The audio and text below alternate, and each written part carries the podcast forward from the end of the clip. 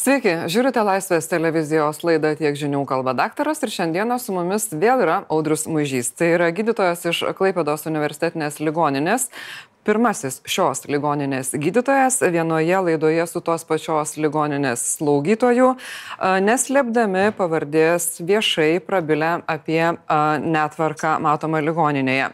Vėliau Audrus Maižys buvo įtrauktas į mero iniciatyvą sudarytą darbo grupę padėčiai ligoninėje įvertinti ir pakeisti.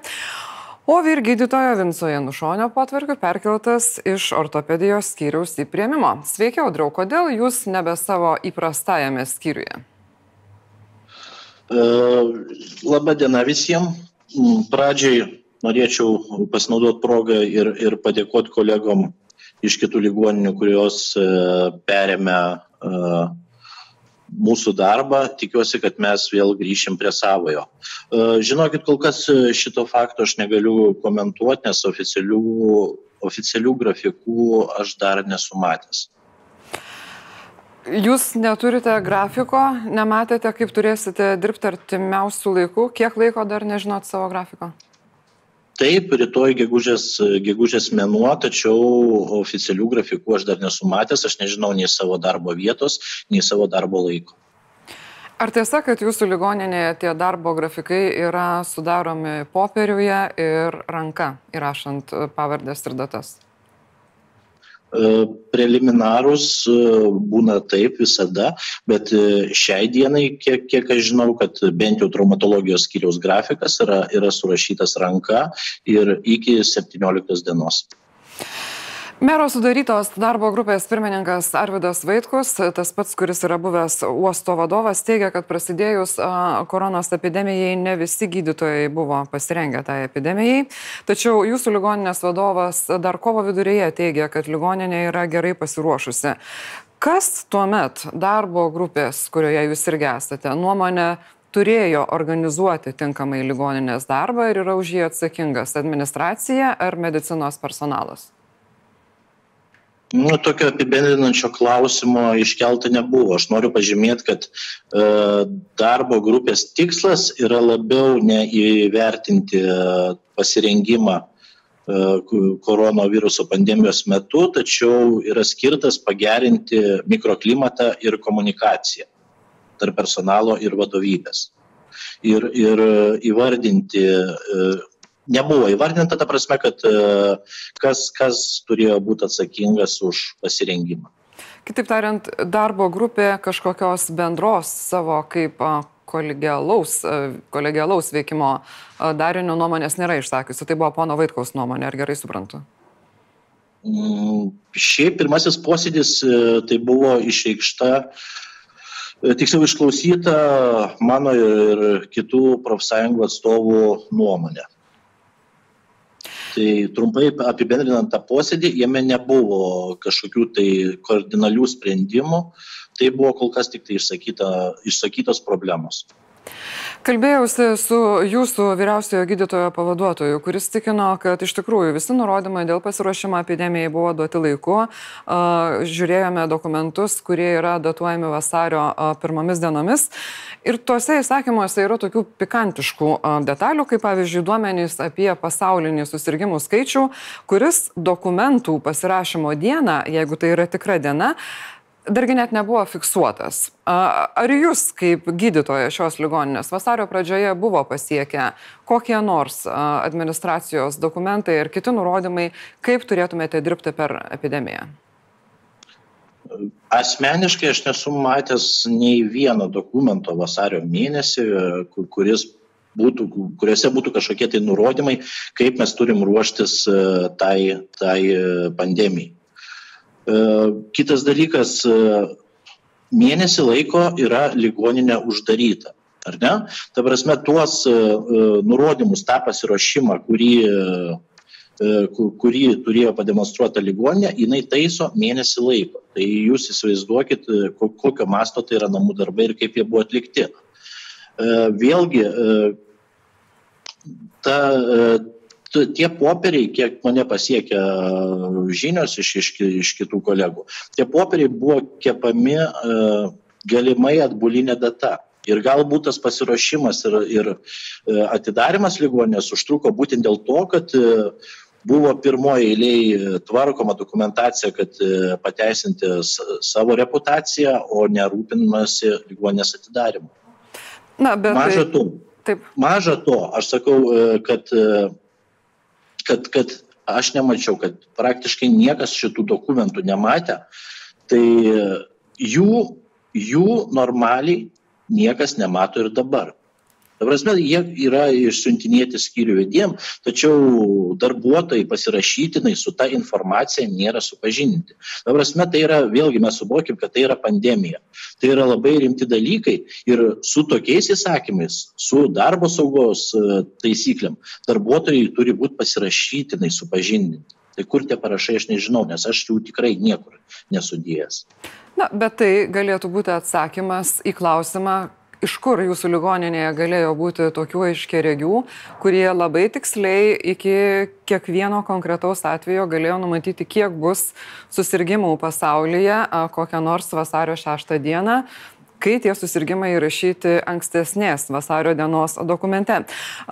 Daktarė, ligoninės veikla jau yra po truputį atnaujinama. Kaip Jūs vertinate, ar yra laikomasi tų ir saugumo reikalavimų pacientų ir medicinos personalo ir šiaip rekomendacijų, kad koronavirusas nebepaplistų dar kartą, kad ligoninė nevirstų užkrato šaltiniu? Aš kaip ir minėjau, kad viena pagrindinių, e, pagrindinių bėdų tai buvo komunikacijos toka, jos nėra ir dabar. Ta prasme, e, aš kaip įsivaizduoju organizuojamą darbą, kad e, jau atidarant ligoninę turi kiekvienas, kaip tėvė mūsų, žinoti savo saugumo lygį, saugos priemonės, pacientų judėjimo srautus. Niekas vėlgi to nežino iš apie numatomą atidarimą e, dauguma sužinojo iš spaudos. Visi gušėjo pečiais, o kaip mes dirbsim? Kur, tos, e, kaip, kur laikas įvaldyti ten judėjimo schemas, e, prisipratinti prie naujos aplinkos. Apasi tai yra sužinoma tik tai prieš kelias dienas.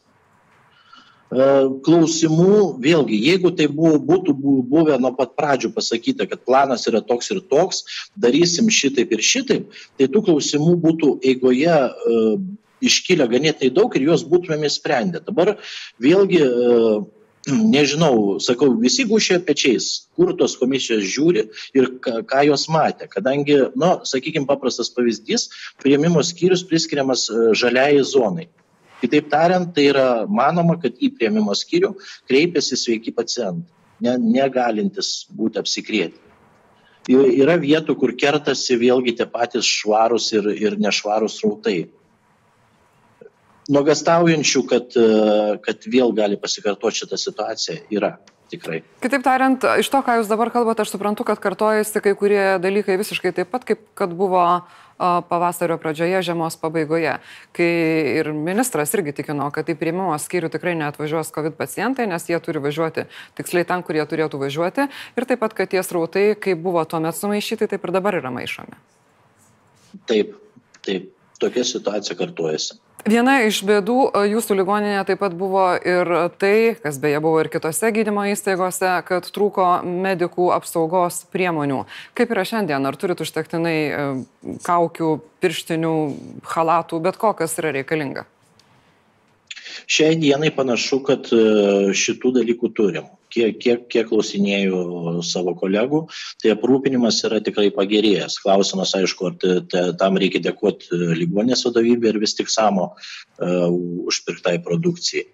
Uh, vėlgi, uh, turėkime omeny, kad uh, di, didžioji ligonės dalis nedirbo. Prasetos priemonės nebuvo naudojamos. Ar, ar nebus vėl tokia situacija, kad pradėjus dirbti ir pradėjus jas tinkamai naudoti, jos nepasibaigs vėlgi apie aprūpinimą atsakymų mes neturime.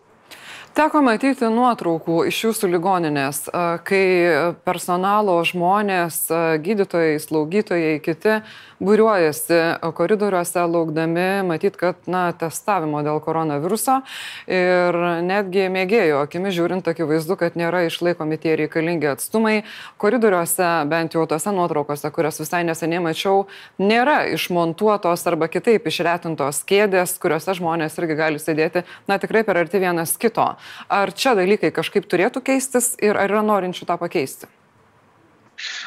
Va, mes vėl uh, grįžtam, ar ne prie šito, kad, uh, kad nereikia kaltinti vien uh, materialinį aprūpinimą, ar ne, kartais užtenka vykdyti paprastus procedūrinius dalykus.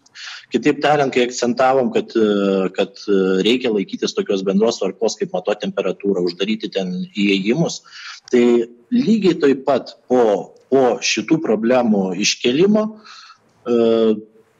paim, ta procedūra nėra, nebuvo organizuojama tinkamai. Ta prasme, teisingai. Tai bu, būriavosi žmonės, 20-30 žmonių vienoje vietoje, e, nebuvo sureguliuoti laikai, nebuvo kažkokio tai koordinuojančio žmogaus, kuris reguliuotų, kad e, atsistokit savais atstumas ir taip toliau. Po to, kaip, e, kaip jūs, aš mačiau, iškėlėt tą problemą, dar nedidelis su pagerėjimu pasikartojo toks balaganas. Po to jau lyg, lyg ir pradėjo tvarkytis. E, atstumai yra sužymėti, tačiau vėlgi koordinuojančio koordinuojančio žmogaus, kuris koordinuotų laiką ir kad nesusirinktų didelė grupė žmonių, taip žin, tikrai žinau, kad pasikartojo ir trečią kartą.